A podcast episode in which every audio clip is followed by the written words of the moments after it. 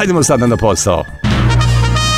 A posao mi je da kažem da ne bih mogao da otežem na ovom početku, pre početka, zakon akcije i reakcije. Toliko treba strpati ovu hiljaditu emisiju da je svaka reč na koju sada potrošim vreme sud sudbonosno za priloge koji čekaju da bude emitovani u narednih pa sad ideću, ću, sat i po, a ne, malo je, Eh, sati 40, pa to je ono oko uobičajene norme. Možda čak sati 50 minuta, što bi bilo idealno. U svakom slučaju ispada da u hiljaditoj emisiji imam hiljadu priloga. Što je baš kako ono, neki dan neko pametan reče govoreći o hvalisanju ovih naših laživih i do srži nešarmantnih lidera i njihovih prirepaka. Pravi hiperbolični marketing. E, da ne bih hiperbolisao, reći ću da vas očekuje nekoliko desetina priloga bez glavnog jela u današnjem Zairu. Biće to mahom prisjećanja na neke drage ljude, događaje, biografske stavke emisije i autobiografske stavke njenog autora. S tim što vas na samom početku moram izmaltretirati pesmom In Zair ali s mojim prepevom. Gle mene prepevom, mojim glupim tekstom koji ću i sam otpevati, a sve u bezuspešnom pokušaju da ovo predstavim kao himnu emisije Zair. Hajde onda da ovo odradimo, pa da spostanem maltretiran s mojim pevanjem. Muzikanti, šat!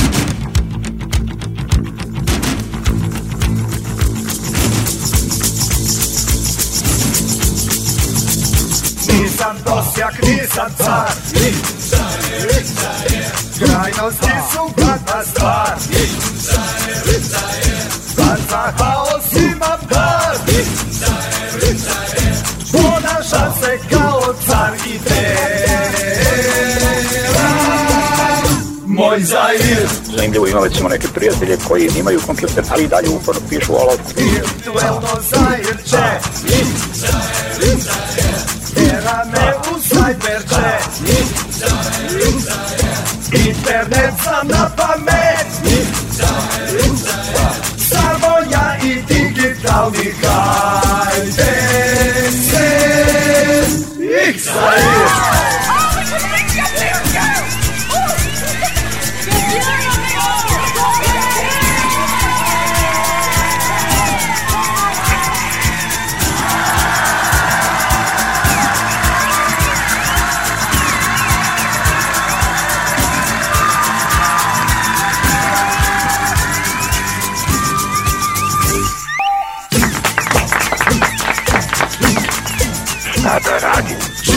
sami pun tanjir Joj, zajir, joj, zajir Sam ću ikad naći mir Nema šanse, nema šanse Dajte pero i papir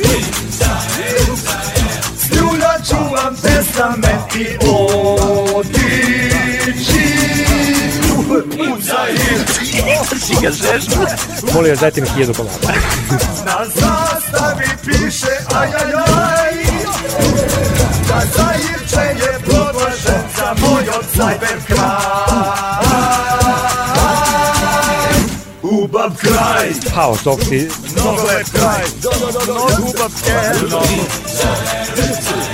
Niech staje, niech staje, nóg staje, pół staje, mak staje, mak staje, lech staje, lech staje, joj staje, joj staje, nic staje.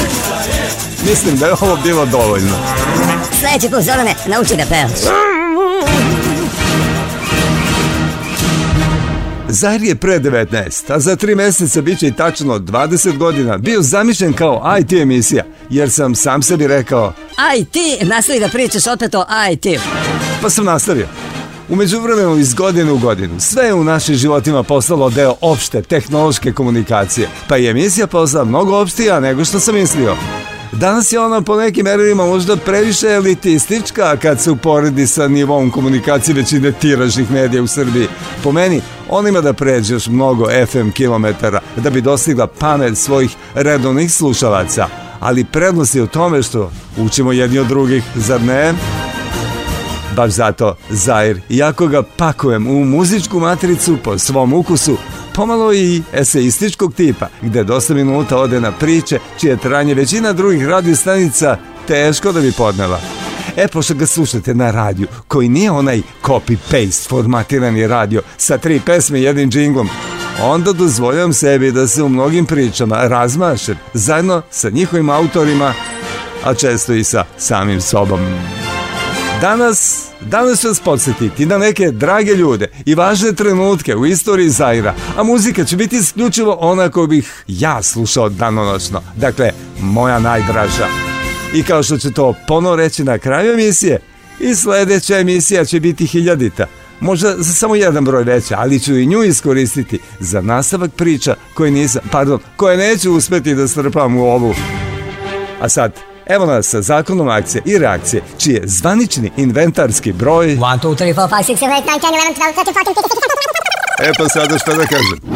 Kako da izgovorim ovaj broj, a da ne mislite da vas lažem? Da kažem samo hiljadu? Da kažem jedan, pa zatim tri nule? Ili možda najbolje, dva na deseti? Pa sad vi računajte. Just one moment, please. Aha, izračunali ste. Nije hiljadu, nego hiljadu dvadeset četiri. Pa to je ono što vam govorim. Ako je zakon akcije i reakcije, prevaskodno IT emisija, hiljadu ne znači ništa ali 1024 već znači nešto, za ne? Right. Pa sačekajmo onda tamo negde do juna meseca, pa da čestito proslavimo jubilej. Pustite ovu hiljadar, neki voda nosi, tamo odakle joj je donela, a donela je iz dubina 21. veka, iz 2000. And now... A brief history of Zaire time. Kratka istorija zairskog vremena. Mogu bi sada se pozabavljanje i kratkom biografijom zakona akcije i reakcije u jedan tičete u pet poglavlja. Prvi deo, kako je počelo sve to sa zakonom akcije i reakcije. Eto mene i vas na godišnjicu emisije Zakon akcije i reakcije. Zair je moja serija radioemisija započetih od nulte 2000. godine i posvećenih high-techu i tehnološkim komunikacijama uopšte.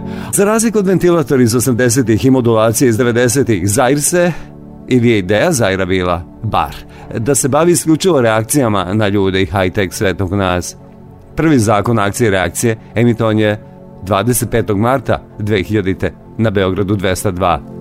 Poslednji Zair na istom radiju emitovan je 14. jula 2001. Pukao je zbog najtrivialnijeg mogućeg razloga, a priča o tome sledi. Od 1. januara 2002. egzistira u cyber obliku na sajtu modli, nekada.coju, a sada modli.rs, a od 5. februara 2002. emisija je i na mreži radiostanica uključenih u samostalni radio poduhvat zvani Srb.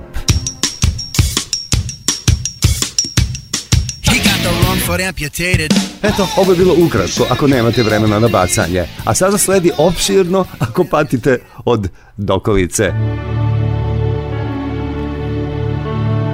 Na izmaku 1999. godine, kada je svima koje poznajem bilo muka, najprije od bombardovanja s polja, pa onda od bombardovanja iznutra, pa od novih no-no prijetnje od bombardovanja s polja, Moja dugogodišnja investicija iz 90-ih, emisija modulacije The Next Generation, lagano je zamirala i ugasila se 24. decembra 1999. nakon putovanja dugog 7 godina kroz medijska bespuća Radio Pingvina, Beograda 202, ponovo Pingvina i na kraju MIP Radija. Bilo je to dobro i uzbuljivo putovanje tokom kojeg se dogodila internet revolucija, digitalizacija svega što peva, igra i govori i nažalost devalvacija svega što je postojalo na ovim prostorima. Uzbudljivo putovanje kroz čudnu deceniju. 1999. godina bila je uvertira u poznato. Zakon akcije i reakcije zaživeo još oči paranoičnog dočeka 2000 ili 2 kilo years, ali samo na stranicama mog sajta. Igra je ulogu ventila kroz koji sam propuštao sve ono što nije moglo da stane na radio. Pa nikada više nije bilo modulacija, ostao je sa zadatkom da premosti ta tri meseca koja sam je delila od novog radio starta. Zato ćete u dobro provetrenim pećinama mog sajta zvanog asteroid naići na Zairis 1999. embrion emisije koja će progovoriti tek 25. marta 2000. To su bile prve i sočne reakcije na high-tech svet oko nas, ispričane slikom koju na radiju nije bilo lako rečima iskazati. Toliko o 1999. A nakon nje sledi priča o 2000 to je godina zapleta, i 2001. godini u kojoj su nastupili meseci raspleta. A sada, najljepše pesme koji su se ikada vrtele u zairu. Po meni. Okej. Okay.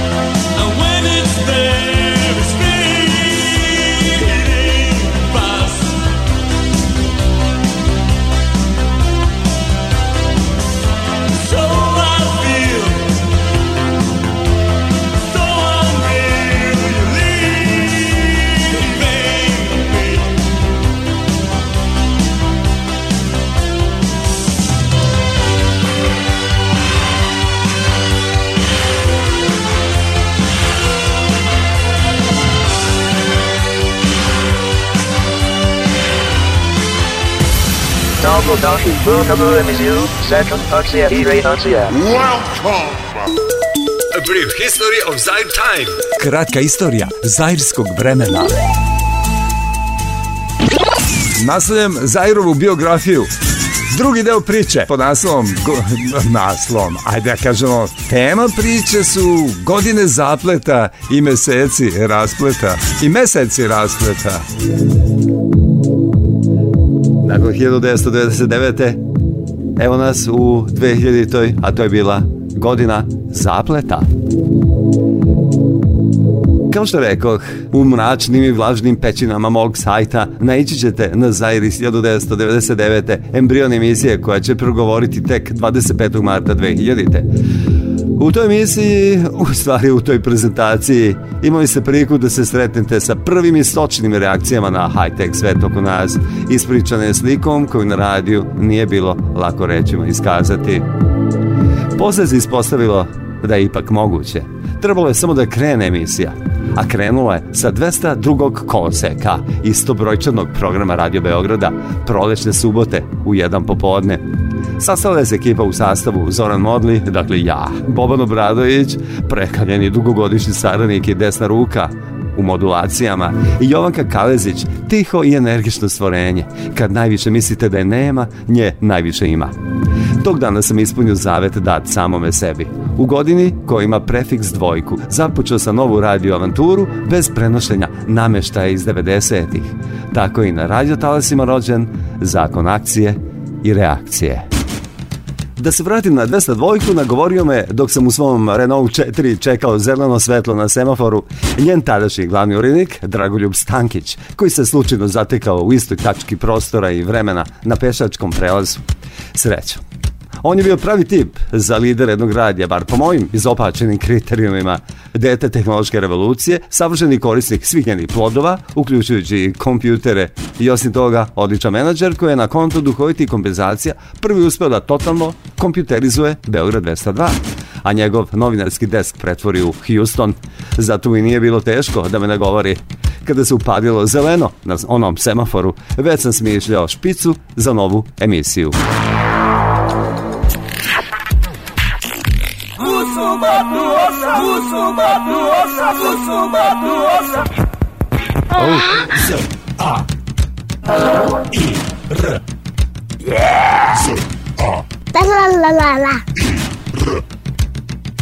Ooh, let's go! 16 manje 13, 3. Svake subote u ovo vreme, 3 sata, sa zakonom akcije i reakcije. Istraživačku ekspediciju zakonito predvodi au, au, au, au. Aurelio, Aurelio, Aurelio. Je li on tu? Mnogo zakona, a 202 reakcije. Nikom.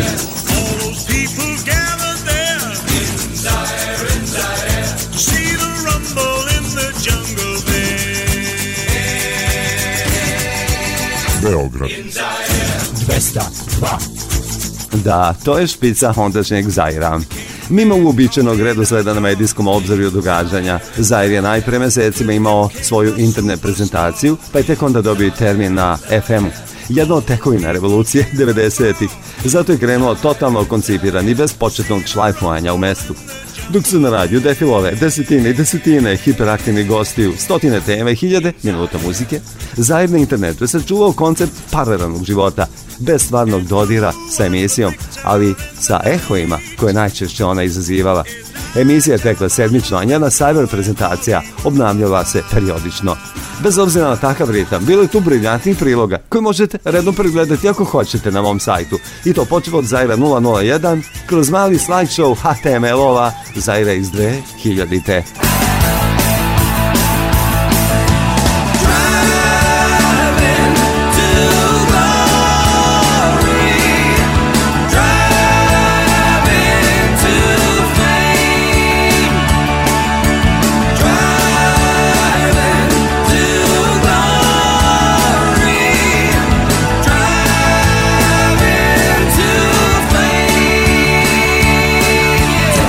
je ona sada u 2001. godini, a u njoj slede meseci raspleta.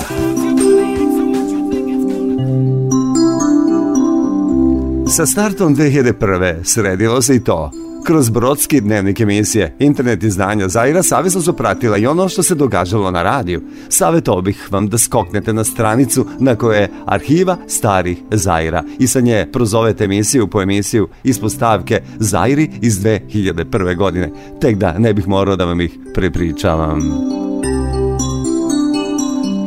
Oktobarski događaji iz prethodne jeseni po zakonu o spojnim sudovima oduvali su Draška Stankića sa kormila 202 dvojke. Istorija koja bude pisana pokazat će da je to bilo neophodno, mada je tada bilo neizbežno. Sve bilo novo.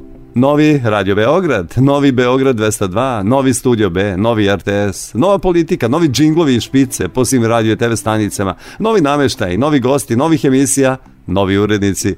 Sada je na njeno čelo došao čovek iz baze, proslavljeni voditelj Milan Špiček, promovisan u zvanje VD glavnog urednika. Što ekipi Zajra baš ništa naročito nije značilo, kao u osnovni 202 dvojici, ali tek od avgusta 2001. Tada je naime u uredničku sobu konačno sleteo novi, trajni, glavni i odrni urednik kojeg uopšte nije sam upoznao.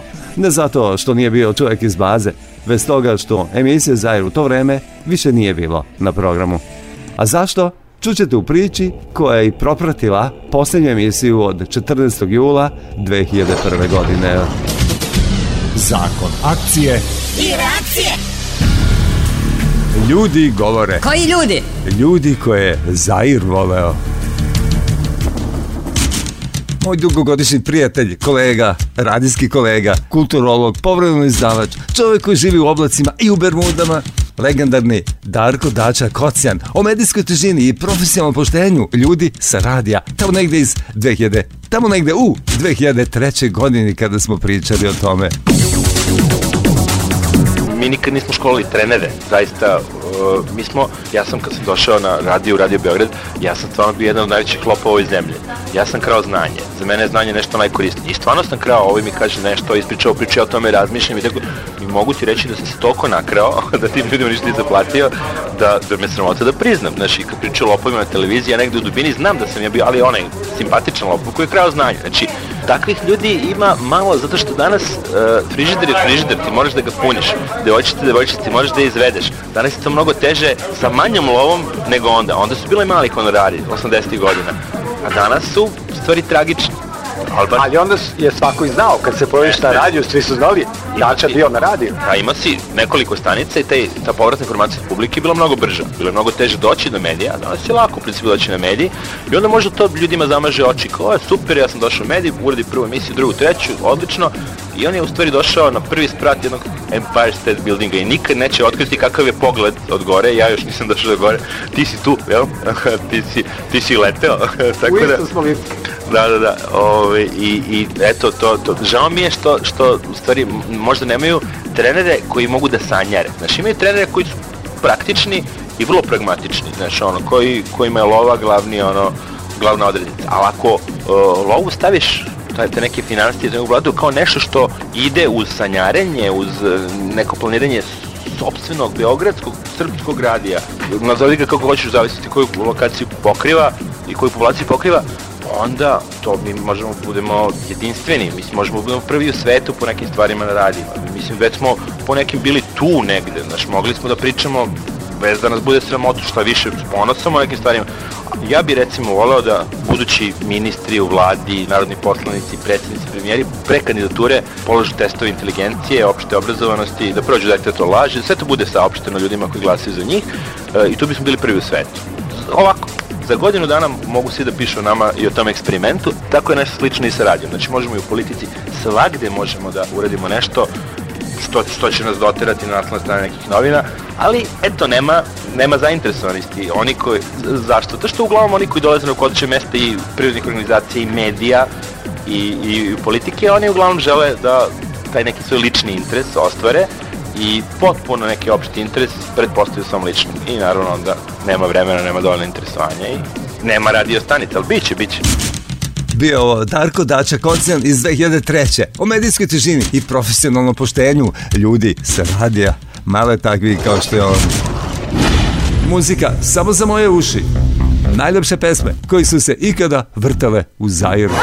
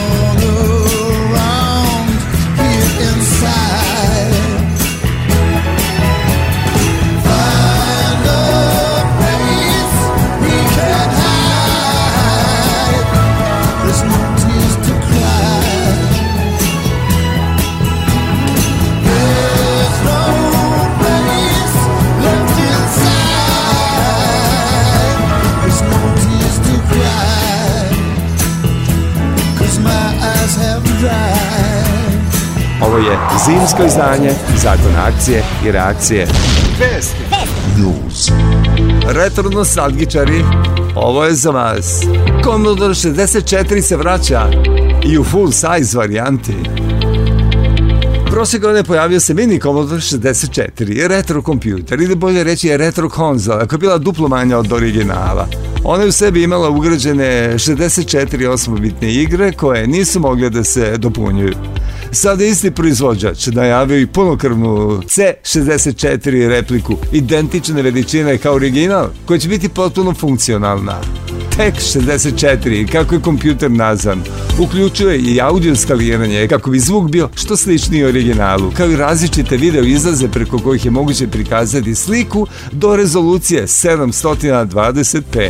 Računar će imati dva moda rada, standardni C64 prikaz u 40 kolona i emulator VIC-20 računara sa 22 kolone. Vlasnici će imati mogućnost da učitaju sobstvene programe, pošto je ostavljena kompatibilnost sa različitim medijima, a podržani i čuveni Commodore Basic. I ova konzola će imati preinstagrirane 64 igre, uključujući i klasike kao što su California Games, Boulder Dash, Pit Stop 2, Uridium, ali i neke malo manje poznate, Mutant Camels, Hover Bowler i Idris Alpha. U paketu će se pored samog C64 računara dobijati i USB joystick sa mikro svičajima. Početak prodaje očekuje se pred same božićne i novogodišnje praznike, dakle počela je, a cena ovog računara u Evropi biće 135 evra. Za sada se ne zna da li će i kada početi prodaje u Americi. Ako ste zainteresovani, već možete da se registrujete i napravite C64 rezervaciju. That's beautiful. Uh, Rex, they just love new toys, now don't they? Oh. A brief history of Zaire time. Kratka istorija zairskog vremena. Polo Nasa, kratke Zajrove biografije. Treći deo priče. Bezbednjaci šetači šetaju hodnicima Radio Beograda. Pa evo sada priče koju sam obećao malo čas. Zašto je zakon akcije i reakcije otišao sa programa 202? Naslov poglavlja Šetači miniraju Radio Beograd. Objavio sam to samo jednom, u trenutku demonstrativno prekida emitovanja 69. Zaira na programu Beograda 202. Emisija, moja emisija, posvećena reakcijama na ljude i high-tech svet oko nas, zakon akcije reakcije, više ne postoji. Bila je to moja posljednja reakcija, ali, ali na low-tech podobe čije prisustvo anulira suštinu zbog koje radio postoji. Međutim, očigledno da to niko nije shvatio ozbiljno, pa čak ni urednici 202. Misle, vratit će se modli opet u septembru kada se malo nauživat leta Ispadoh ozbiljan, jedino ja. E pa, pošto je moje pravo da biram okolnosti pod kojima ću da radim, nakon julskog incidenta u studiju 202, a bila je subota 14. jula, obavesio sam VD Glodura da sam izabrao varijantu 2. Odlučio sam da prekinem dalju egzistenciju svoje emisije na talasima Radi Beograda, kao i sve svoje dalje posete ovom, kako se pokazalo, izuzetno osetljivom mirnodopskom objektu. Razlog za prekid e, emisije i moju odluku da skinem Zair sa programa Radio Beograda ne leži u razmimoilaženju sa bilo čijom programskom politikom, nego u sukobu sa jednim zalutalim KT pripadnikom obezbeđenja radija, koji je baš na početku trećeg sata emisije uleteo u studio i počeo policajski osiono, a usput i nepristojno, što je svemu dalo poseban šarm da preslišava moje, tek da znate, vrlo ugledne goste zbog hardvera koji su doneli. Insistirao je da pođu za njim. Gde? zahtevao zabranu diskete sa snimcima načinjenim digitalnom kamerom, gle, kao i zabranu filma iz mog fotoaparata. Idi bre. Dalje tog događaja bila je logična nadogradnja moje tvrdoglave namere da zaštitim svoje goste i naravno ne udovoljim zahtevu NN pripadnika obezbeđenja. Svađa, nagli porast temperature i prekid emitovanja, sad već ozbiljno ugroženog programa, 40 minuta pre kraja emisije. Eto, to je u najkraćem prepričan događaj. No, suština je u tom do glave ošišanom iza mene nepoznatom tipu sa ID karticom na kojoj piše obezbeđenje radija šetač broj 009. Suština je u i dalje važećim birokratskim postulatima zaštite Radio Beograda od spoljašnjeg i unutrašnjeg neprijatelja u kojima se zgrada radija tretira kao vojna baza od globalnog strateškog značaja, mada meni lično, naročito nakon 90-ih, e, malo više ličila na skromnu medijsku kuću u to vreme ruiniranog ugleda i ograničenog utica, čije programe neko i slušao. Da, tako je to bilo na samom startu 2000. godine, A u to vreme govorio sam sebi dokle god je tako i dokle god je služba obezbeđenja iznad programa umesto da mu služi, nema neku žarku želju da se vraćam u policijsko okruženje, odnosno okuženje, čiji sam epicentar tada bio ja. Nisam tuživala, pa ovo pričam samo vama. Neka tajni agent 009 i dalje maršira hodnicima Radio Beograda, loveći probisvete sa magistarskim, doktorskim i inženjerskim titulama što se vucaraju po studijima, tek zato da bi gostovali u raznim idim i dođim emisijama. Ostvario je blistavu pobedu kojom je dokazao da je jači i važniji igrač nego jedan suetni autor dosadašnjih 69 Zaira i nešto malo drugih emisija koji su se u prošlom stoljeću zvale Modulacija 202, Ventilator 202, BLP, Radio Computer Show, Diskomer, od doručka do ručka, pobedio i sve ostale posljednike radija koji dolaze da bi stvarali radio, a ne zato da bi se izvinjavali što moraju da uđu u zgradu radija. Utoliko mi je taj moj tadašnji poraz bio draži. No. Zakon akcije, akcije. Ljudi govore. Koji ljudi? Ljudi koje Zair voleo. Srđan Paunović, alias HAL 9000 u zakonu akcije i reakcije, nezamenljiv saradnik u ovoj emisiji rani 2000. godina, načinio jedan izuzetno zanimljiv intervju sa pisem i publicistom doktorom Zoranom Živkovićem one 2002. godine. Evo šta je tada govorio pisac knjiga i čitalac e-knjiga u zamahu digitalne revolucije. Nisam, ja ne provodim ja puno vremena na internetu, ali ja inače mislim da je to E, surfovanjem po internetu je prosto užasno gubljenje vremena. E, ja e, stupam u vezu s internetom u 95% slučajeva kada hoću da primim ili pošaljem elektronsku poštu. Onih 5% jeste posjećivanje nekih sajtova koji me zanimaju, to je recimo locusmag.com ili sfsite.com ili ovaj, e, Tangent Online ili e, vrlo često sam na Google, da tu mogu da više prkam neke podatke koji mi trebaju. Ovaj, to su ti sajtovi koji su vezani za fantastiku ili su ili drže neki moji prijatelji, onda ja te stvari posećujem, ali niti ima vremena, net mislim da je to svrsishodno da sad bez cilja prosto onako surfujem. Ja nisam više u tim godinama, moji sinovi to rade i nalaze zanimljive stvari, moram priznati. Ja međutim zato nemam više vremena, nego kad idem na internet, ja idem sa ciljem da nešto konkretno nađem i čim to nađem, ja ga ovaj, prekidam vezu. Da li vam je bio draži rad za pisaćom mašinom ili za današnjim računarom? tehnika, pa to nije proces stvaralaštva, to je prosto tehnika, tehnika rada za mašinom. Po, mislim, bilo mi je naravno da je danas neuporedivo lakše, lakše kad pišete, zato što e, možete veoma brzo da e, proverite stvari u tekstu, ne morate da se vraćate pa da čitate da se oslanjate na nepuzdanu pažnju, nego je prosto preglednost teksta znatno bolja za kompjuterom i prosto imate odmah sve e, sređeno, doterano, nema šara, šaranje, nema vrljenje. U tom smislu je kompjuter e, i to je, držim da je upravo zbog toga e, jedna od najznačajnijih posledica kompjuterske revolucije to što je zbilja napravio čudo u domenu pisanja.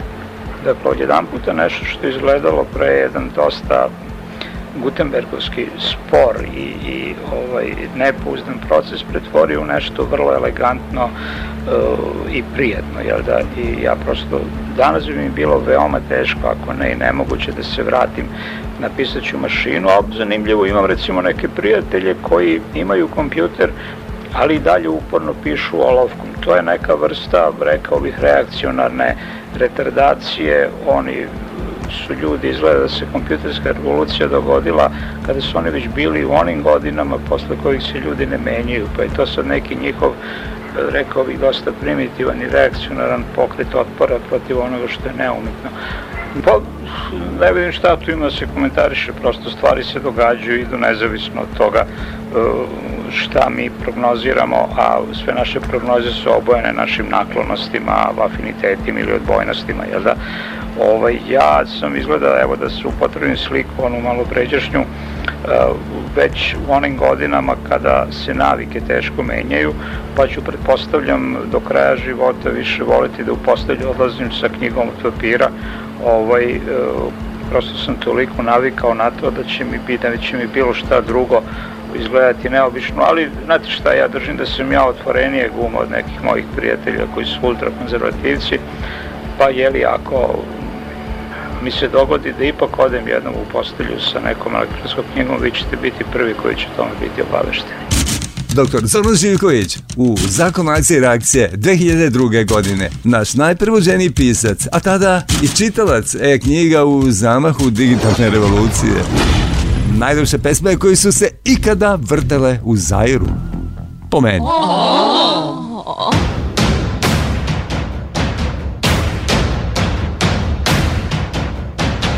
Hello world It's nice to meet you I've been waiting for this moment to come my whole life. Hello, world. The past is over.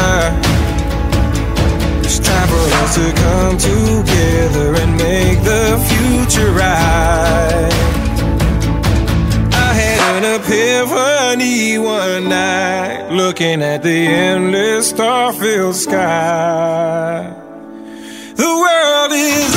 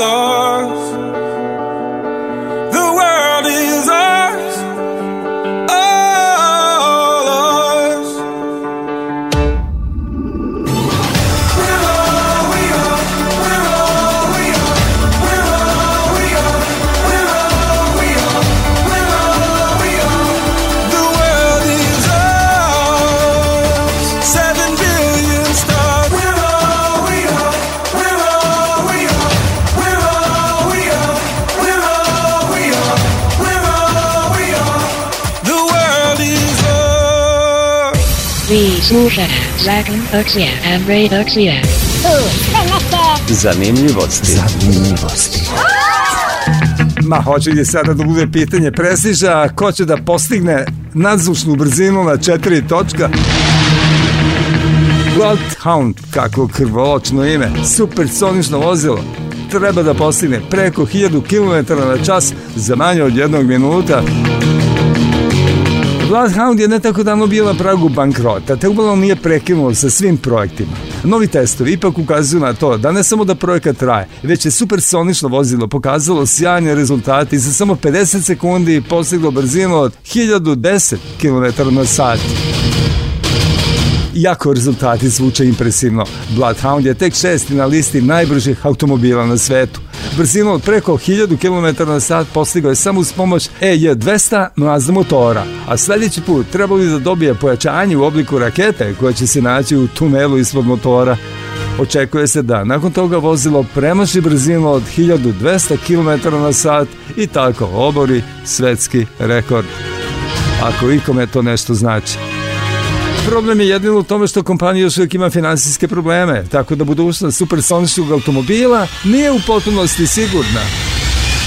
Za finalnu fazu projekta potrebno je još oko 13 miliona dolara, a predsednici kompanije očekuju da interesovanje medija privuče nove investitore i da počnu da rastu kao pečurke posle supersonične kiše. Preciso. A brief history of Zaire time. Kratka istorija zairskog vremena. Evo kao što vidite, napredujemo sa, napredujem sa Zairovom biografijom. Stigao sam do četvrtog dela takozvane Zair storije. Zakon akcije i reakcije, ni na nebu, ni na zemlji. Hm, pa da čujemo onda od samog sebe. Kako to?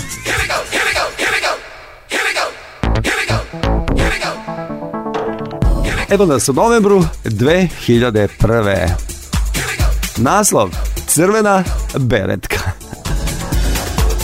Tog novembra 2001. emisije Zair i dalje nema. Mada naši najviđeniji kompjuterski magazini dalje uredno objavljuju ovakav, eh, ovakav, ne vidite ga, ja ga vidim, pa zato tako pričam. Full color logo moje emisije, na čemu im u to vreme zahvaljujem. Uredno na taj način praveći reklamu i radiju sa kojeg sam otišao.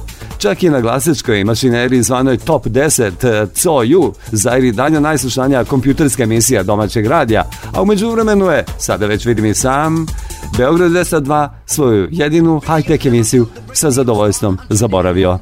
Dakle, u meni još tinja ona kiselina od letos. Do danas sam se, ne brinite, izlečio, ali eto, tada sam se tako osjećao. E pa... Pošto me u protekli pet meseci te 2001. godine baš niko od 202. nije priupitao imam li nameru da nastavim da prčkam oko njihovih mikrofona, očigledno je da sam se a.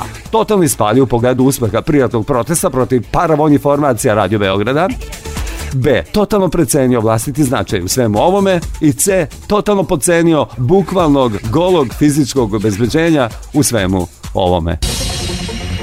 Žao mi je, nisam crvena beretka, pa moja ucena baš nikoga nije uzbudila. A i timing mi je bio pogrešan. Baš u vreme dok sam ja uvređeno frktao, na čelo 202 priveden je umjesto VD-a stalni glodur.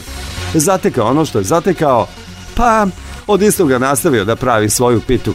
Za zajem je kada čuo, a politička previranja i onako su uvek iznad tehnoloških i programskih trivialnosti. I evo dolazi vreme u kojem više nisam bio uvređen. Jasno mi je da su moje akcije na medijskoj berzi ništavne, čak i bez kraha World Trade centra. Bolje imati dizelaša na grani nego modlje u ruci. Nema ljutiš, zato sam se od 10 sada i svesno oprostio. No nešto mi se ne ide na malecke radio stanice, one koje se čuju do prvog brdavca, ukoliko ih još pre toga nisu ugušila dranja na suzenim frekvencijama s leve i desne strane. Ne ide mi se, jer me tako neće čuti Čedo Bradić koji živi u Mladenovcu, a do tamo treba dobaciti signal, nije šala. Možda me tada ne bi dobro čula ni Violeta Ivković, Violeta živi na Čuburi, o Milošu u Rumi i Halu 9000 u Požarevcu, da i ne govorim, e zbog njih. Hteo bih radio stanicu koju mogu da dovate, a koju neće popljuvati zbog ostatka programa. Zna li neko takvu? Nešto sam trabunjao glasno o internet radiju, a u sebi i o vlastitom FM radiju.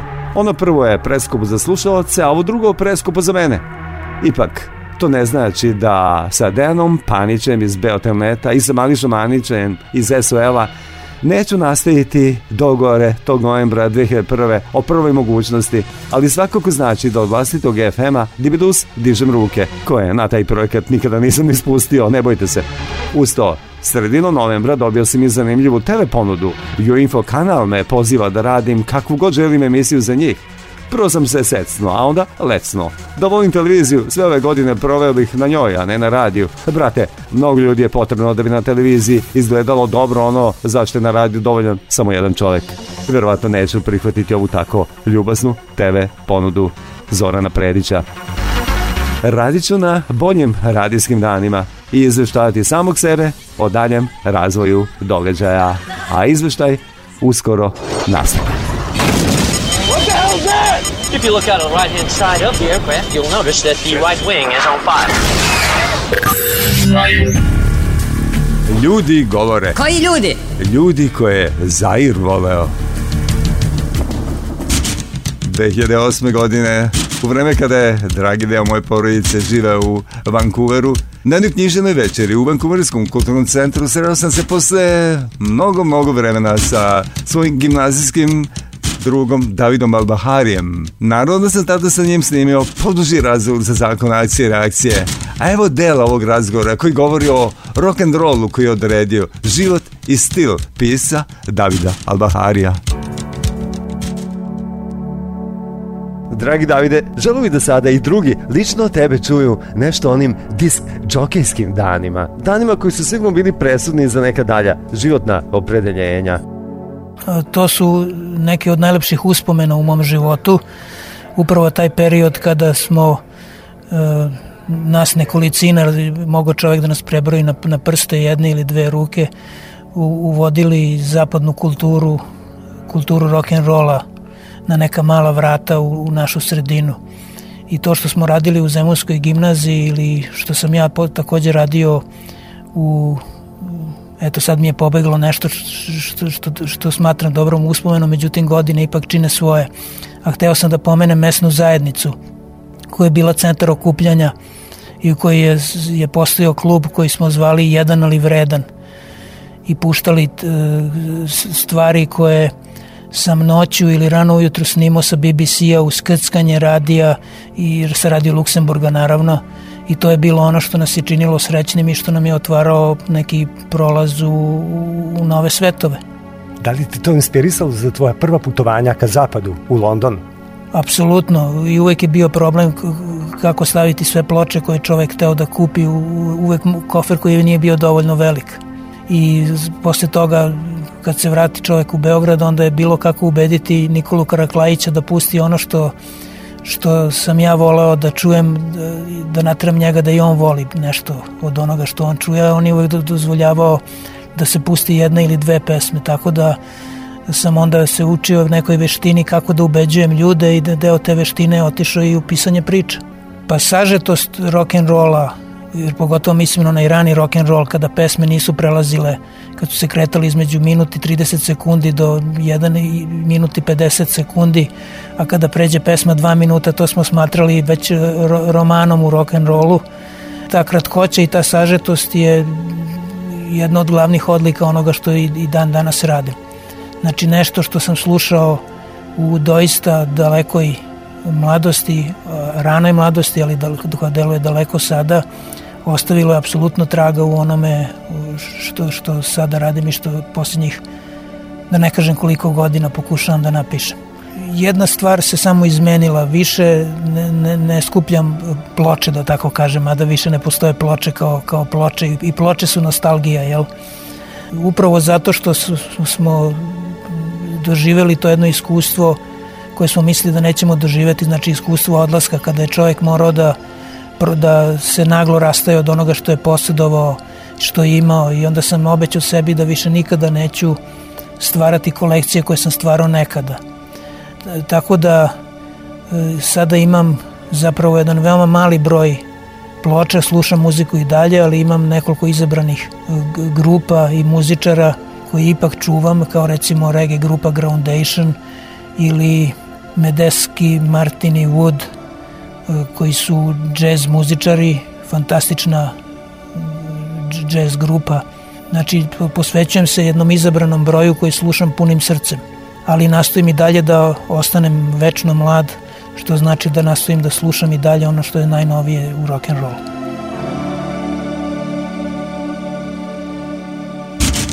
bio u susret u Vancouveru i u emisiji Zair sa Davidom Albaharijem 2008. godine kako je rock and roll odredio njegov život i njegov knjiženi stil.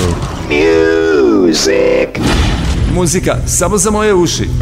Najljepše pesme koji su se ikada vrtale u Zairu.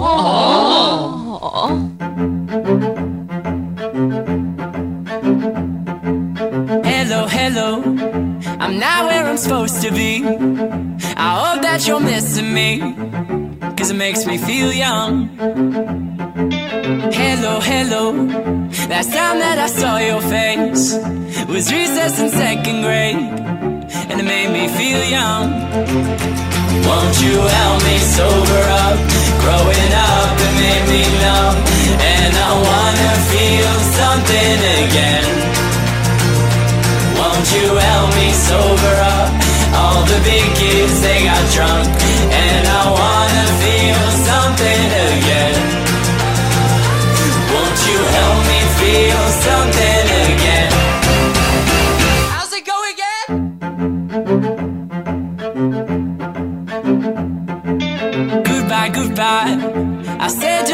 fastest buds. We said that we keep in touch, and we did our best. All my new friends, we smile at party time, but soon we forget to smile at anything else. Won't you help me sober up? Growing up and made me numb, and I wanna feel something again. Won't you help me sober up? All the big kids, they got drunk. And I wanna feel something again.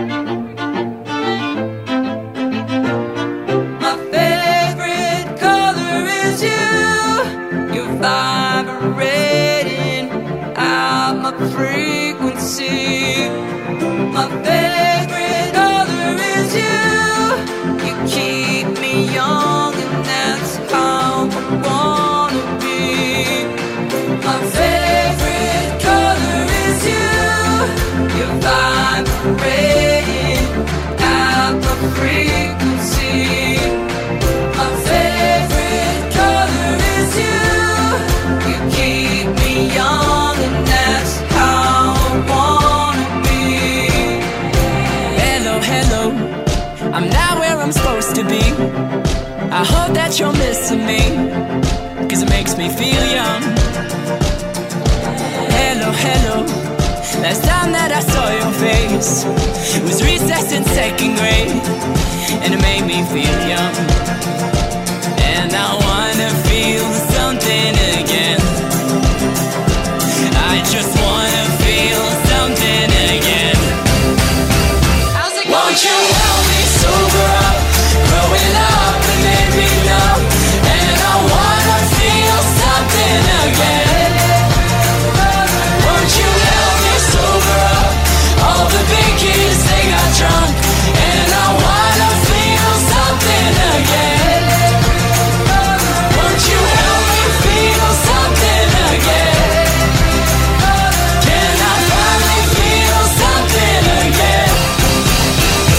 music all the time with your favorite podcast, Second Arxia, Ray Arxia. Oh yeah!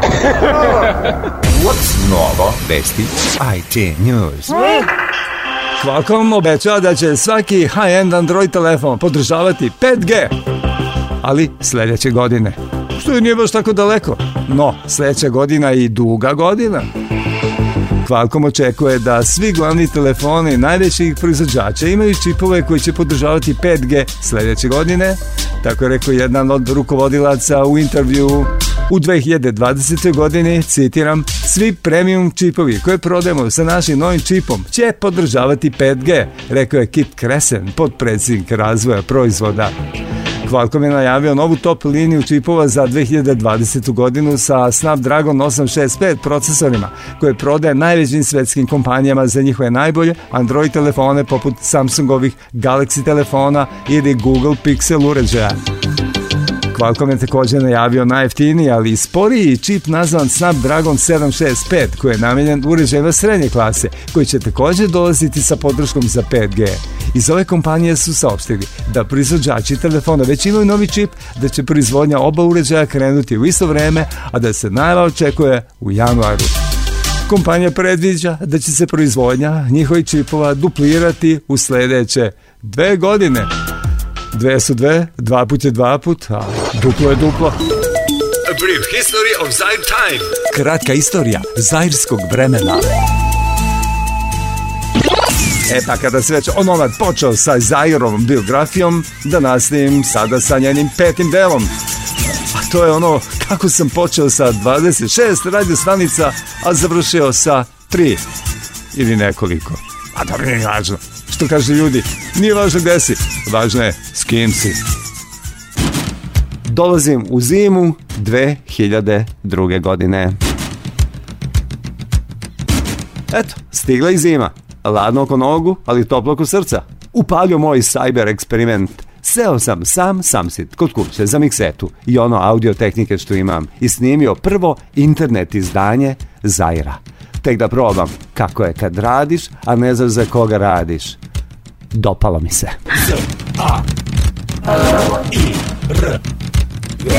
Pa se sledeći period odnosi na decembar januar 2002. kada je Zair ponovo počeo da jaše. Da ne bih još jednom urekao vlastitu emisiju. Odlučio sam da sa Zairom, a dakle zakonom akcije reakcije, ujašem u 2002. godinu. Dan uoči novogodišnjeg dočeka zgotovio sam virtualni radio paket, novogodišnji poklon u vidu prvog net izdanja emisije Zair, inače pod rednim brojem 070 u MP3 formatu, koju za sada možete pokupiti samo na ovom sajtu i nigde više. Tako se Zair definitivno uselio u cyber prostor. Pa i ovo, moj mali poklon svima kojima ponovo oživljavanje ove misije nešto znači. Da, tako sam govorio posjetnicima svog sajta tog januara 2002. Isto tog meseca krenuo je i Srpski zajer. Srp to je skraćenica za samostalni radio poduhvat i po svoj prilici će biti idealan način da u kontinuitetu proizvodim vlastitu radioemisiju, a da pritom ne bude vezan za jednu radio stanicu padao sam umeđu vremenu u iskušenje da odem na neke stanice na kojima sam ranije već bio ili na kojima još nisam, a pozvan sam. Uvijek je postojao razlog za ne pa sam doneo treću odluku. Poput odavno zaživjeli privatnih TV projekata napraviti lični radio projekat, a zatim vlastite emisije na CD-u distribuirati isključivo odobranim radiostanicama i znači, veoma je bitno da su radio stanice međusobno udaljene toliko da se izbjegne međusobno pokrivanje i na taj način obezbedi lokalna ekskluzivnost emisije. Tako će ekonomska cena emisije biti bazirana na mreži od svega desetak radio stanica, a insistirat ću da to bude i krajnja cifra stanica uključenih u distribuciju emisije. Uf. Koje emisije? koje druge nego zakon akcije i reakcije? Suviše je mlada i bespomoćna da bih je tek tako ostavio na cedilu, zato sam napravio pažljiv odabir od svega 26 radiostanica sa ukupnog spiska radioemitora u Srbiji i Vojvodini, ispričao im sve ovo i poslao CD sa pilot emisijom, a to je Novi Zair srednim brojem 071 veoma skraćenu pilot emisiju imate razume se i na mom sajtu modit.rs, a ja za to vreme očekujem reakcije radio stanica, za to vreme to je bilo te zime 2002. Dakle, tada sam očekivao reakcije radio stanica kako bih mogao da vam preslim one na čim će frekvencijama zajedno nastaviti svoje ničim izazvano postojanje.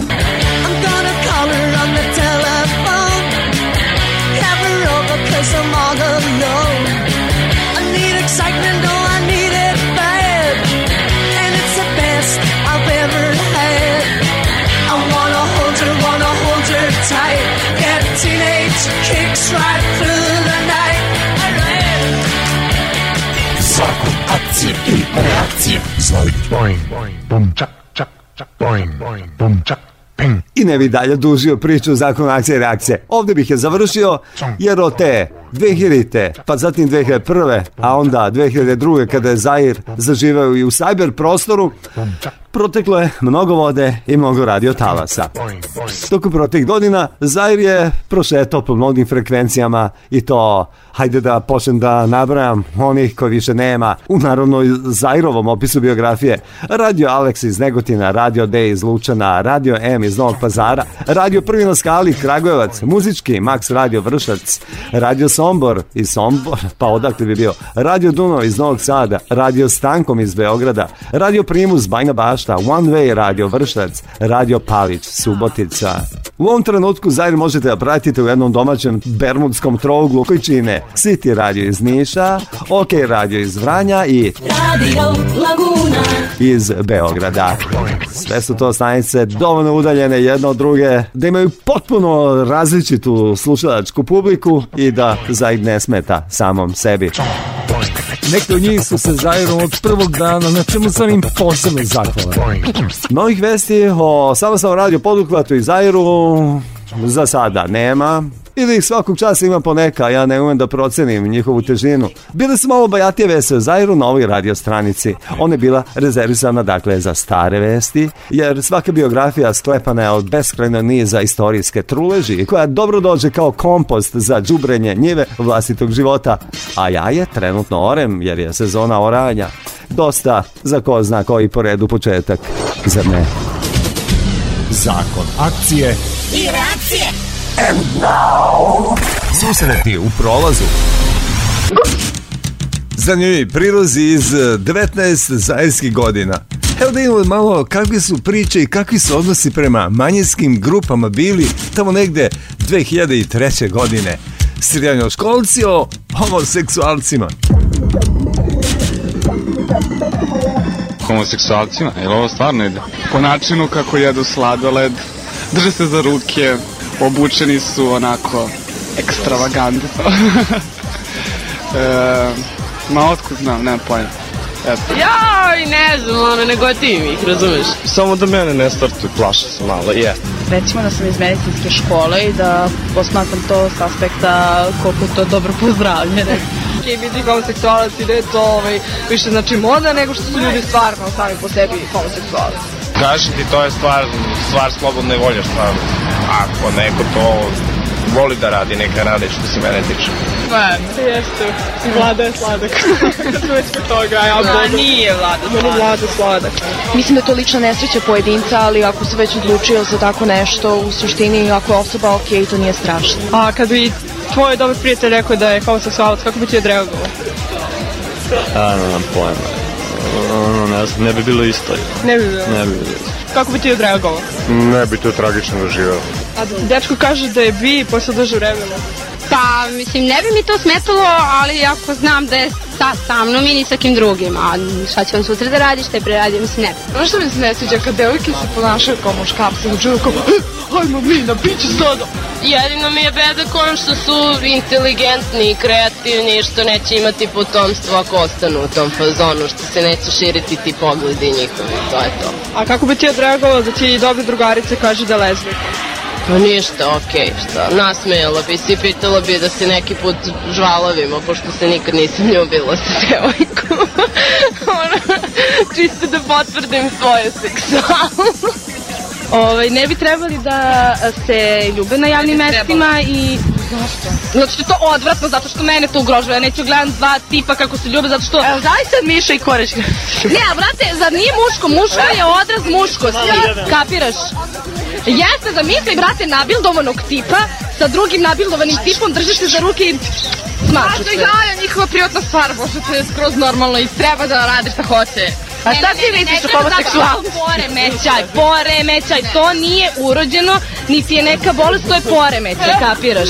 I ja se sa tim ne slažem. Ako oni hoće budu zajedno, nek budu zajedno samo da mene ne ugrožavaju. Ali mene više nerviraju oni što ih maltretiraju, znači što da. krenu njih da tuku i, i e, to, je, to je još veći vandalizam i boleština nego to što oni rade. Pa mogu oni da se žene udaju šta li već, ali da usvajaju decu, to nikako ne može bi tipa... bi, veći je trend biti bi nego gej, ili ono, kao biseksualci su cool, urbano, underground ljudi. I sad idemo da vidimo šta smo imali na kontrolnih geografije Ajde. Ok, je to.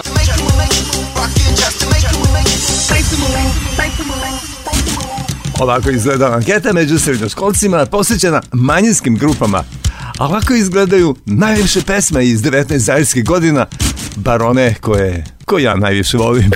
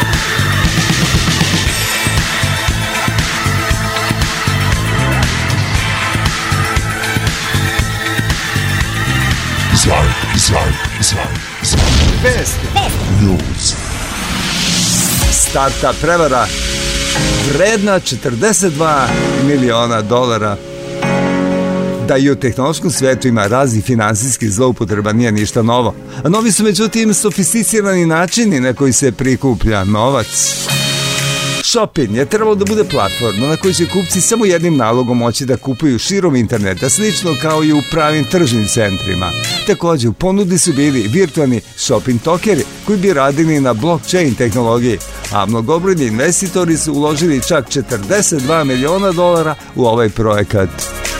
Ipak ništa od ovoga se nije ostvarilo, a osnivač platforme Eran Rajal potrošio skoro pola miliona dolara na provod, žurke, izemljivanje luksuznih stanova pa čak i na eskort usluge. Rajal je također investitorima predstavljao navodna partnerstva sa najvećim internet prodavcima i brendovima za koje se takođe ispostavilo da su lažna. Šta da kažem, idiot, uhapsite prevarante što pre. Aha, a već ste to učinili, onda okej. Okay. There is a place like no place on earth. Some say to survive it, you need to be as mad as a hatter. Which luckily, I am. Zaire. It's you. A evo sad višegodišnjeg, dugogodišnjeg starog saradnika emisije Zakon akcije i reakcije Ivana Trajkovića sa, kako on kaže u naslovu, hiljaditim letom kapetana Modlija. Sećam se da sam te 2004. godine, kaže Ivan, dobio ASDN internet priključak. U to vreme neviđenu, ma ultra luksuznu stvar. Sećam se da sam imao verziju 2.0 Open Office-a koji je mogao da izvozi dokumente u PDF direktno, a imao sam i prvu verziju muzičkog softvera Live. Zašto je ovo Pa sve to mi je pomoglo da u to vreme napravim neku vrstu internet novina, to je fanzina o tehnologiji, koji su se distribuirali putem sajta emisije Zair. Takođe, u to vreme nastale su numere muzičke pozadine za Zair, za koje mislim da ih i dan danas ima negde na modljevom sajtu. Ima, ima, kako da ne, Ivane, a ovu jedno novih. Prema pa spojima koliko cedim dušu iz nje kao podlogu za razne, razne vesti u Zairu. Dakle, ovo je Ivanovo delo, što ide ispod mene. A ja da nastavim sa Ivanom porukom. Pišemo ovde o mom radu za Zaid, nastavlja Ivan, pošto nema toga što o Zoranu nije napisano i da je najpoznatiji radijski DJ od SFRJ preko SRJ pa preko SCG do današnje Srbije, a i šire. Da je avio legenda i verovatno najpoznatiji pilot sa ovih prostora, da je najpoznatiji i najboljeniji radijski glas. I nekad i sad, a i sad, nego da se vratimo na mene, kaže Ivan. Zair me je tokom godina inspirisao da se ozbiljno posvetim novinarstvu, pa posle par hiljada tekstova stigoh i do nekih velikih domaćih, a i stranih redacija. I tako, Zair stiže do jubileja hiljadite emisije. Malo li je? Zato, kapitane Modi, pali motor, polećemo na radijske talase, pa još hiljadu puta. Uzviku Ivan, na kraju sve poruke. Hvala, dragi Ivane, stiglo je u pravi čas za hiljaditu emisiju.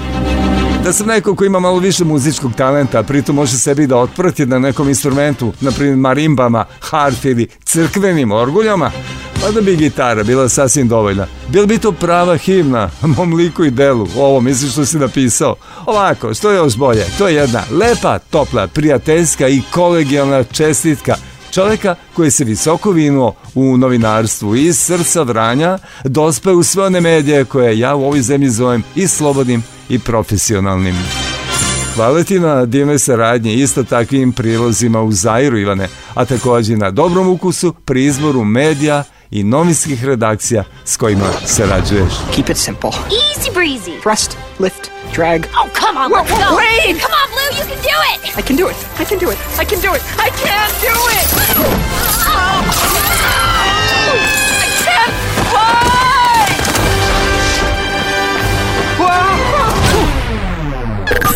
Wow. Ljudi govore. Koji ljudi? Ljudi koje Zair voleo. Naučnik i naš najpoznatiji popularizator nauke, dr. Vladimir Ajdačić, iz 2002. godine, kada je za Zajed odgovorio na pitanje kako bi se Tesla snašao u našem današnjem svetu on verujem da bi Tesla e, kakav je e, bio neobičan čovjek, mislim stvarno jedan od najvećih genija, zaslužen za drugu tehničko-naučnu revoluciju posle Jamesa Water, mislim, prva pa ovo je druga, bez koga ne bi bilo moderne civilizacije uopšte, da bi on kazao bolje da se nisam rodio.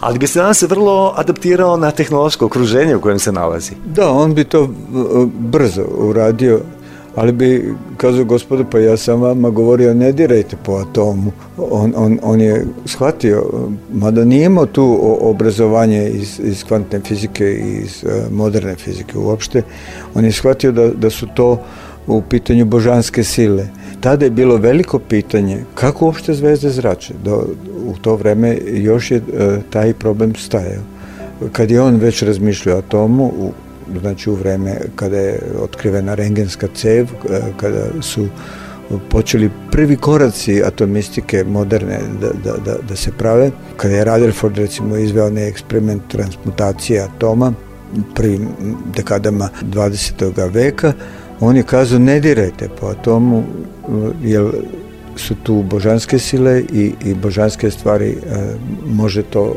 čovjeku da se o, o glavu lupi on je znači imao neki e, konzervativan pogled na, na, na nauku, dokle se sme ići, a gde ne treba e, preći dalje. Verovatno da je e, osnova njegovog učenja o prirodi potekla iz njegovog detinjstva i, i da je čitajući e, velike e, nemačke pesnike koje je znao i, i na izust i, i Njegoša, e, shvatio mnogo pre svih e, tu harmoniju prirode. I on je e, pravio te eksperimente.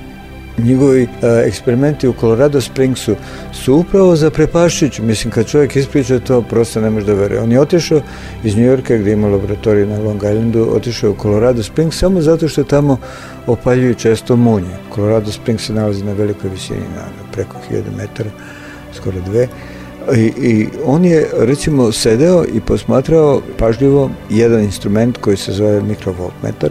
Kad udari grom, taj mikrovoltmetar iglom skoči i pokaže da je to bilo električno pražnje. sad je on proračunao da, da bi eho toga groma, s obzirom na konstrukciju zemlje i njen kapacitet i ostalo, trebalo da se javi posle oko 30 minuta. 30 minuta pažljivo gleda taj instrument da oseti kako kuca srce zemlje i stvarno posle 28 minuta javlja se impuls novi, pa posle drugih 28 minuta mnogo oslabljen on je treći impuls. Znači, on je osetio kako zemlja diše i, i on nikad ne bi ispalio ne atomske bombe u vanaleno prsten, on je uh, govorio o mogućnostima beskrenog korišćenja električne energije uh, iz ionosfere, ali je bio jako oprezan u tome kako da se to radi ne bi on uh, išao na rat zvezda, ne bi on potpisao te patente i verovatno ne bi ni radio te eksperimente da je znao da će Edlund to uraditi u pravcu ovoga harpa znači novog oružja za rad zvezda. I zato najbolje neka spava i dalje. Da, pustimo ga da mirno spava. A dok Tesla spava, ja samo da vam kažem da smo čuli naučnika i popularizatora nauke doktora Vladimira Ajdečića koji je ovo govorio 2002. godine. Music. Muzika samo za moje uši. Najlepše pesme koji su se ikada vrtale u zairu. Come on.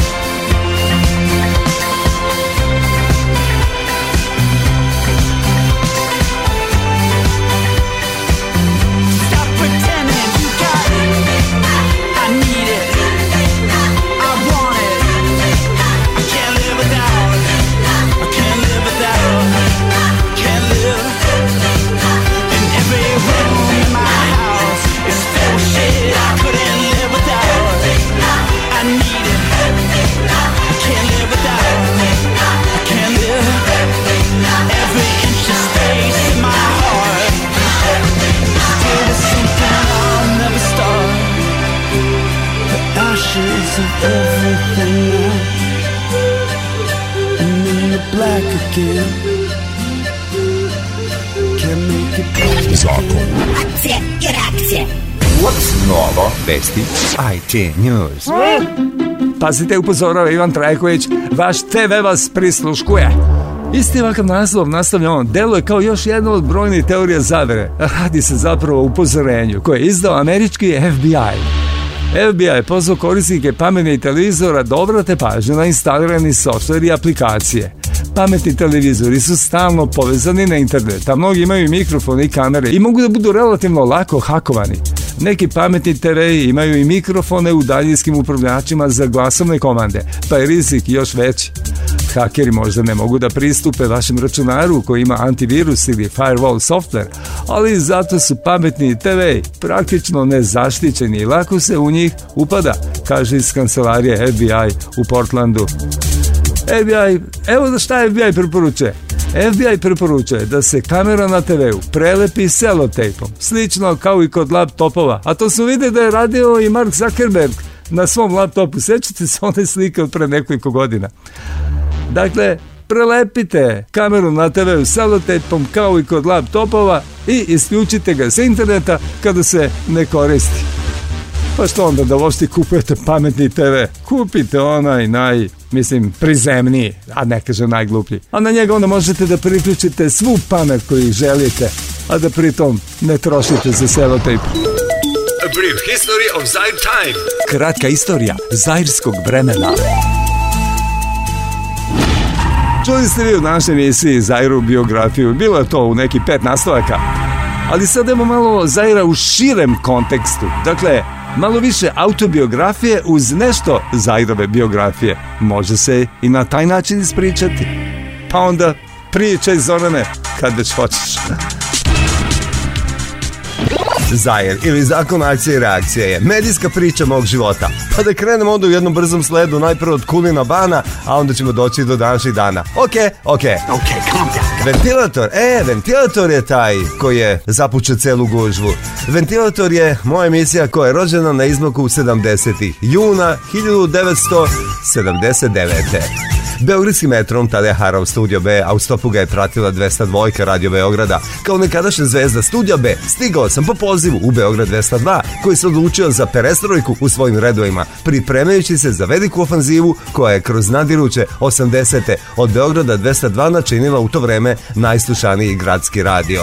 Ventilator je krenuo kao živakna DJ emisija da bi se vrlo brzo pretvorio u program koji je delovao na dva paralelna fronta. S jedne strane bio je inkubator iz kojeg su se se masovno legli fantastični mladi demo bendovi, a s druge strane duvao je u jedra tek zaživele kompjuterske revolucije koja je s tadašnjim spektrumima, komodorima i galaksijama nosila sve pred sobom. Taj tsunami talas zaustavio sam u predvečerje 1988. Privremeno prekinuo sve radijske angažmane i usred sredio se na školovanje u jatu za velike putničke avione. Tek kada sam se potpuno odomaćio na Boeingu 727 i uveliko krstario nebom Euromediterana, odlučio sam da nastavim sa radijom. Kroz 90. sam proletao na krilima emisije modulacije koja je tada išla na Radio Pingvinu, prvom privatnom radiju. Iz nekog iracionalnog razloga odlučio sam da sa završetkom svake decenije pokopavam svoje emisije, tako da sam u treći milenijum ušao sa zakonom akcije i reakcije takozvanim Zairom. Zair je krenuo 2000. godine na, gle opet, Beogradu 202. Izdržao sam ovaj comeback uživo samo jednu sezonu, a onda se prepustio čarima digitalnog konformizma. Profi editori zvuka na solidnim PC mašinama omogućili su mi da se potpuno prebacim na kućnu produkciju i emisiju ponudim i drugim zainteresovanim radiostanicama. Kao što vidite, ovog puta nisam ubio i ovu emisiju posle prve decenije. Zair paralelno egzistira na FM frekvencijama i u cyber prostoru. I dok dlanamo dlan, ja ispričam sve o sebi i o zakonu akcije i reakcije. A sada, da li ste se ikada zapitali koliko su ljudi bili aktivni i zainteresovani pre, a koliko sada da se prepuste jednoj radijskoj emisiji ili radiju možda kao takvom? U doba kada je radio bio sve, značio je sve. Kada je dobio konkurenciju, ljudi su počeli da se okreću samo omiljenim emisijama. Kada je medijska ponuda postala veća od potražnje, većina slušalaca se predala i potisnula sećanja na radio. Automobili su najčešće jedina mesta na kojima radio još svira, paralelno sa automobilskim sirenama. Mislim da većina ljudi danas radio ne sluša, nego ga samo osluškuje, ali zato postoji ona manjina, a ona je najdragocenija. Borim se za zaštitu manjinskih prava. amazing sight ever Virtual Reality Radio. Zakon. Akcija, reakcija. Ljudi govore. Koji ljudi? Ljudi koje je Zair voleo. Evo jednog divnog i zanimljivog, beskreno zanimljivog čovjeka koji se pojavljivao u zakonu akcije i reakcije tokom ovih 19 godina, a to je dr. Predrag Pantelić.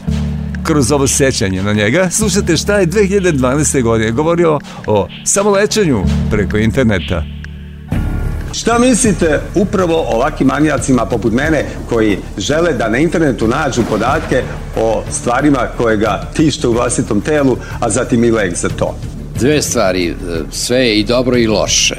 Dobre web stranice na internetu imaju za profesionalce i za lajke informacije i masu podataka. E, za svako uspešno lečenje na bilo koju temu – pacijent treba da bude dobro upoznat, čak postoji zakonske obaveze da lekar mora pacijenta upozoriti, objasniti o čemu se sve to radi na jeziku koji je on razumeo. Ono što ne valja to je što ljudi misle da time što su se informisali preko interneta mogu i da se uspešno leče. Znači, vrlo sam zastupnik da svaki pacijent treba i mora da bude informisan uključujući i internet informacije, ali da ipak to ne radi samo inicijativno, da ne radi kao što se kod nas često dešava, da komšinica komšinicu leči tako što je daje savete lekove, a da nisu lekari. Ja znam da ovo što sam rekao iziskuje odlazak od lekara i mukotrpne mnoge stvari. Za neke proste stvari možda je dovoljno da čovek se samo informiše – ali nikad ne bih preporučio lečenje preko interneta. Tu stvar bih ostavio za ipak profesionalca da donese odluku na koji način da se leči. Postoji dosta razumijih razloga zbog kojih se mnogi od nas ustručavaju da odu kod lekara. Ne toliko zbog neke strašne istine koju će saznati o tebi, nego čisto iz onih najbizarnijih, najprizemnijih da razloga. Da budem iskren, Situacija... ja izbegavam odlazak. Eto, nisam znao, zaista. Pa, ja u stvari odaberem doktora koga smatram da može uspešno da me leči u oblasti i onda neću da se informišem, nego kao malo deti i kao pravi pacijent slušam šta mi se kaže. Ja sam inače imao jednog e, prijatelja koji je bio zubar koji mi je priznao da se strašno plaši zubara. Da li je istina da se lekari plaše drugih lekara? Svi doktori boluju od svih mogućih malignih bolesti i svega ostalog. Jer da, mnogo znamo ljudi. i mnogo znamo šta se iza svakog grma krije i mnogo znamo koliko simptomi mogu da liče na sve i svašta i boga mi i mi odahnemo kad te, te neke ružne dijagnoze otpadaju. A plaši se svako ko nešto zna. Samo čovek koji ne zna se ne plaši ničeg. Istina je uvek najgora, naravno. Neki put je bolje neke stvari znati ukoliko um, ne prete neke posledice zbog toga, pa, naravno. U svakom slučaju je najbolje sve znati uvek. Ali u samo lečenju čovek mora da bude upoznat sa neprijateljem, i na pravi način da se posle toga bori.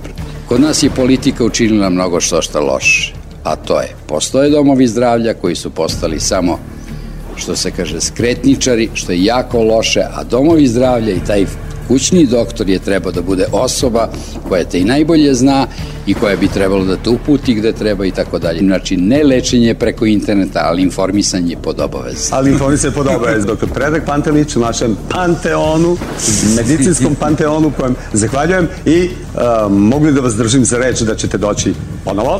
Ali isto tako mi je neprijetno da uzurpiram IT tehnologiju kao lekar mada obožavam tehniku. Ali zato i nam ostaje naš omiljeni doktor. Hvala puno. Hvala vam. Čuli ste poslednje pojavljivanje pred mikrofonom doktora Predraga Pantevića. Predrag Pantević, 14. februar 1949. 15. novembar 2012. I hvala nebesima što je ovakav čovjek postojao, ako je to uz utehu, a teško daje.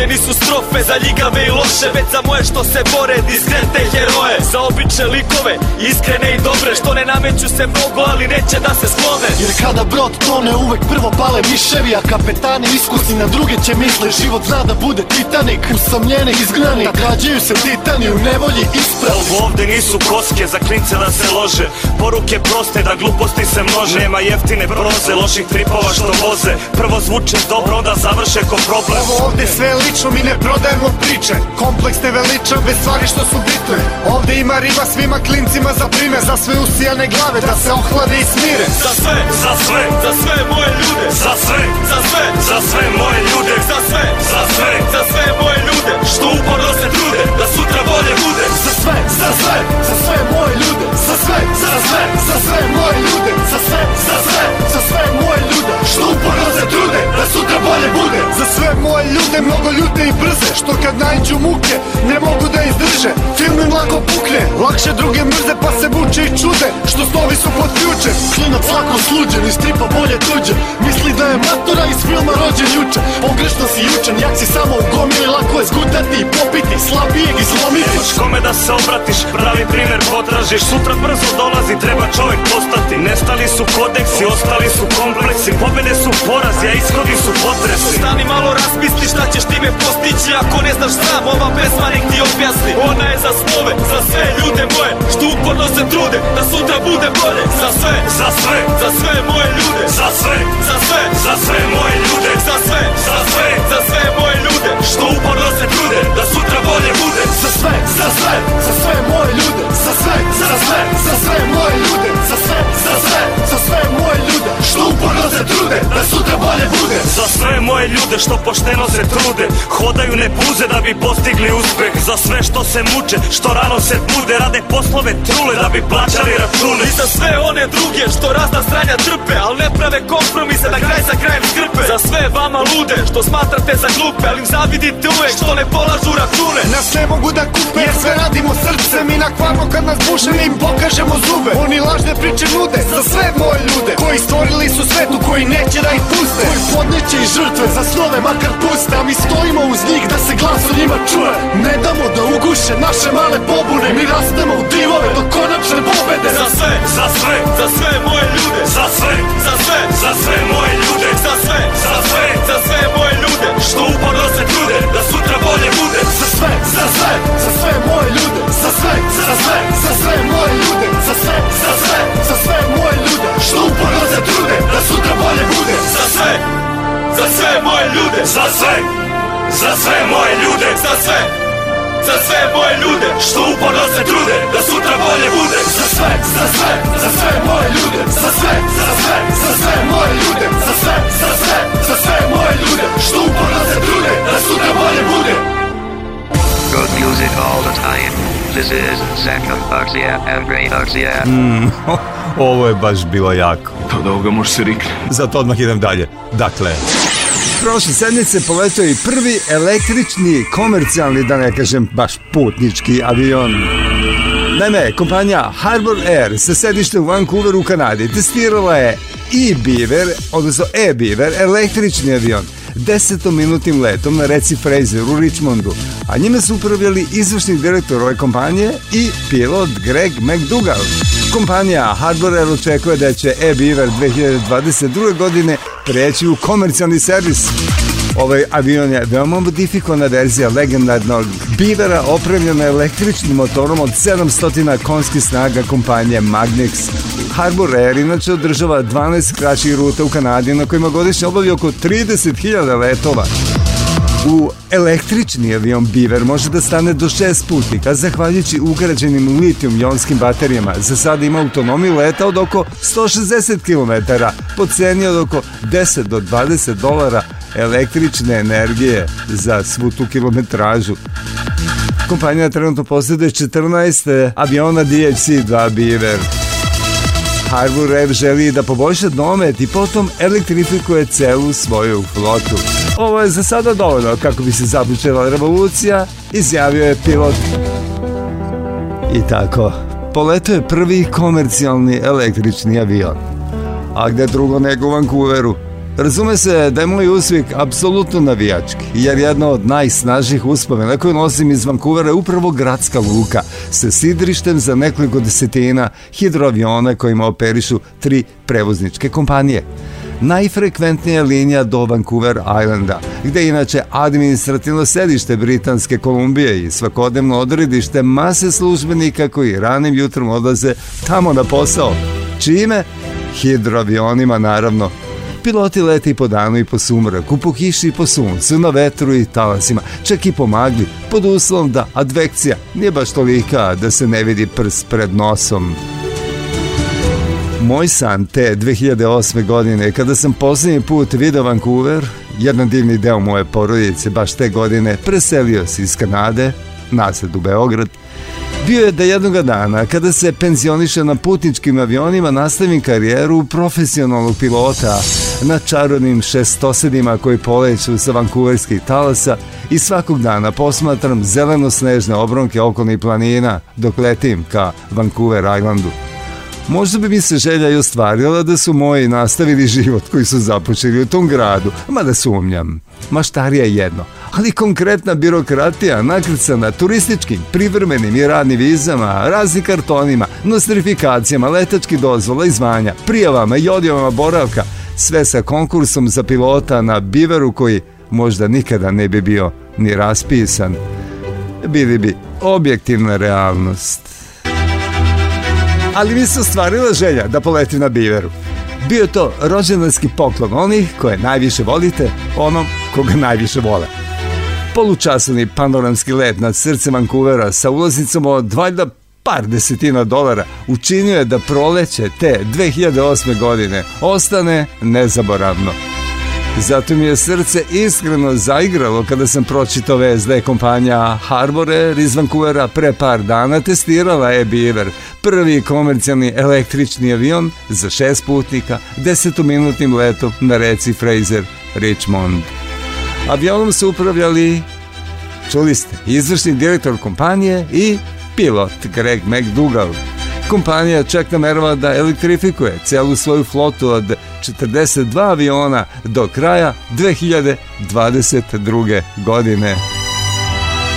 Tako će treća era u vazduhoplovstvu, električno doba avijacije, ostati u omanet trećoj eri pilota.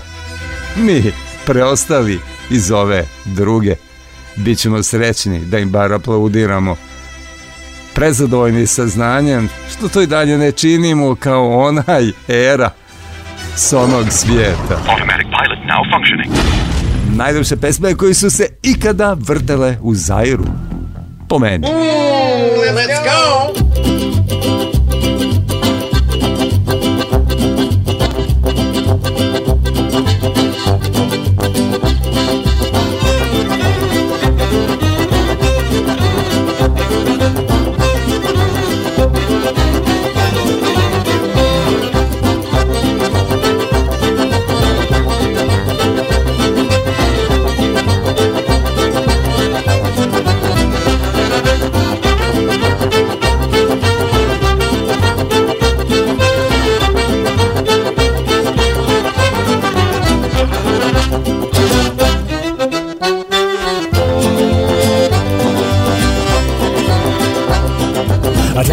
bottle standing on a wall, ten green bottles on a wall. And if one green bottle should accidentally fall, there'd be nine green bottles on a wall. Nine green bottles standing on a wall, nine green bottles on a wall. And if one green bottle should accidentally fall, there'd be eight green bottles on a wall. Eight green bottles. Eight green bottles, eight green bottles, eight green bottles. There'll be eight green bottles on a wall.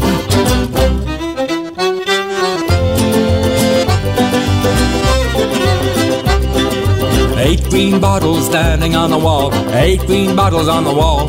And if one green bottle should accidentally fall, there'd be seven green bottles on the wall. Seven green bottles standing on the wall, there'd be seven green bottles on the wall. And if one green bottle should accidentally fall, there'd be six green bottles on the wall. Everybody, six green bottles, six green bottles, six green bottles, six green bottles. Six green bottles on a wall. Six green bottles. Six green bottles. Six green bottles. Six green bottles. Oh, there'll be six green bottles on a wall.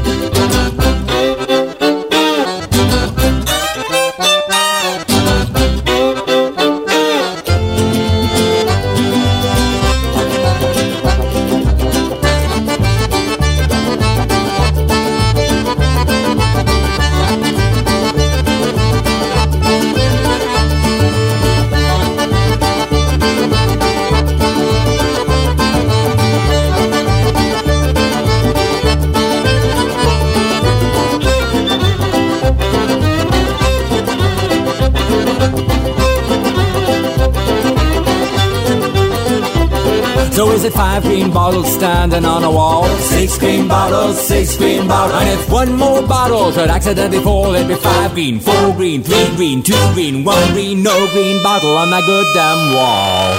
No green bottles, no green bottles, no green bottles. No green bottles, no green bottles, no green bottles. No bean bottles can fall. No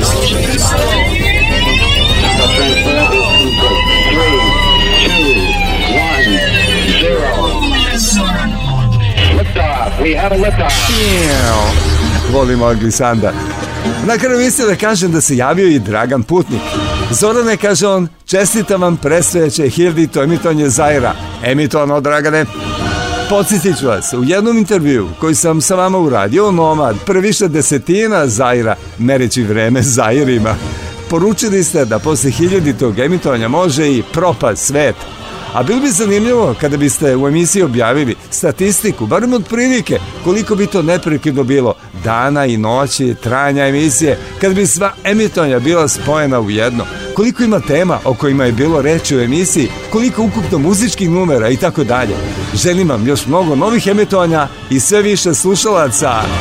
Hvala Dragane! Dragane za sada svet još nije propao, ali ne bojte se, dobro mu to ide od ruke, uskoro će propasti. Mi se sasvim lepo u svetu uklapamo. Jedino mi se ne dopadaju ovi čauši zbog koji propadamo. I uopšte me ne teži to što se njima isto piše. Bolje da se nikada nisu ni materializovali u našim životima.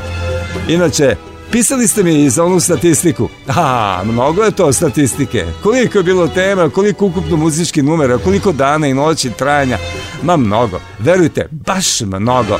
Što kažu hvalisavci sa državnog vrha u svom hiperboličnom marketinškom zanosu najviše ikada u istoriji ove zemlje, a u mom slučaju najviše ikada u istoriji radija. Ha, pa pustite budale. Izračunat ću ja to za vas. I sledeća emisija će biti hiljadita. I kao što rekao Honomad na početku emisije, možda za samo jedan broj veća. Ali ću nju iskoristiti za nastavak priče koje nisu uspele da uđu u ovu. Ajmo sada da se privremeno, privremeno raziđemo po hiljaditi put i odjavimo emisiju komisijski popisanu pod brojem...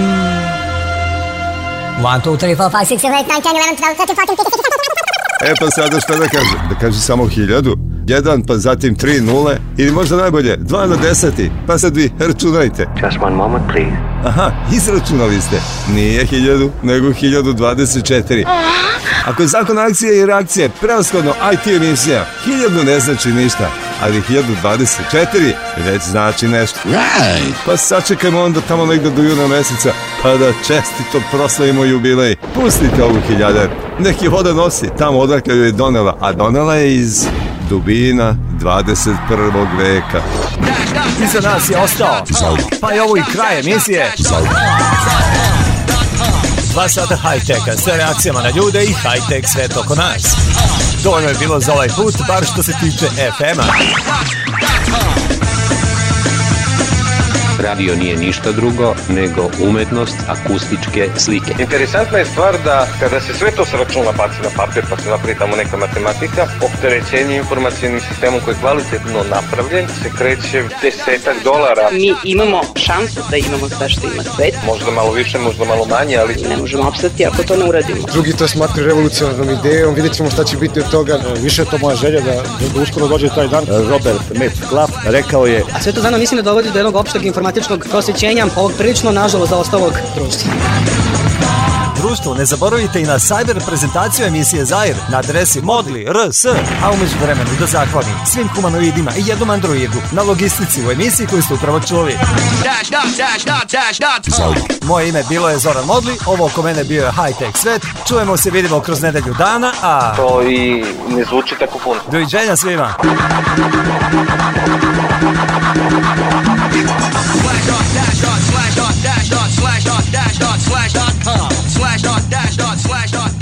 Uh. I šta sad? Završi se hiljadita emisija kao da ništa nije ni bilo. E pa onda, posle mene, može i potop.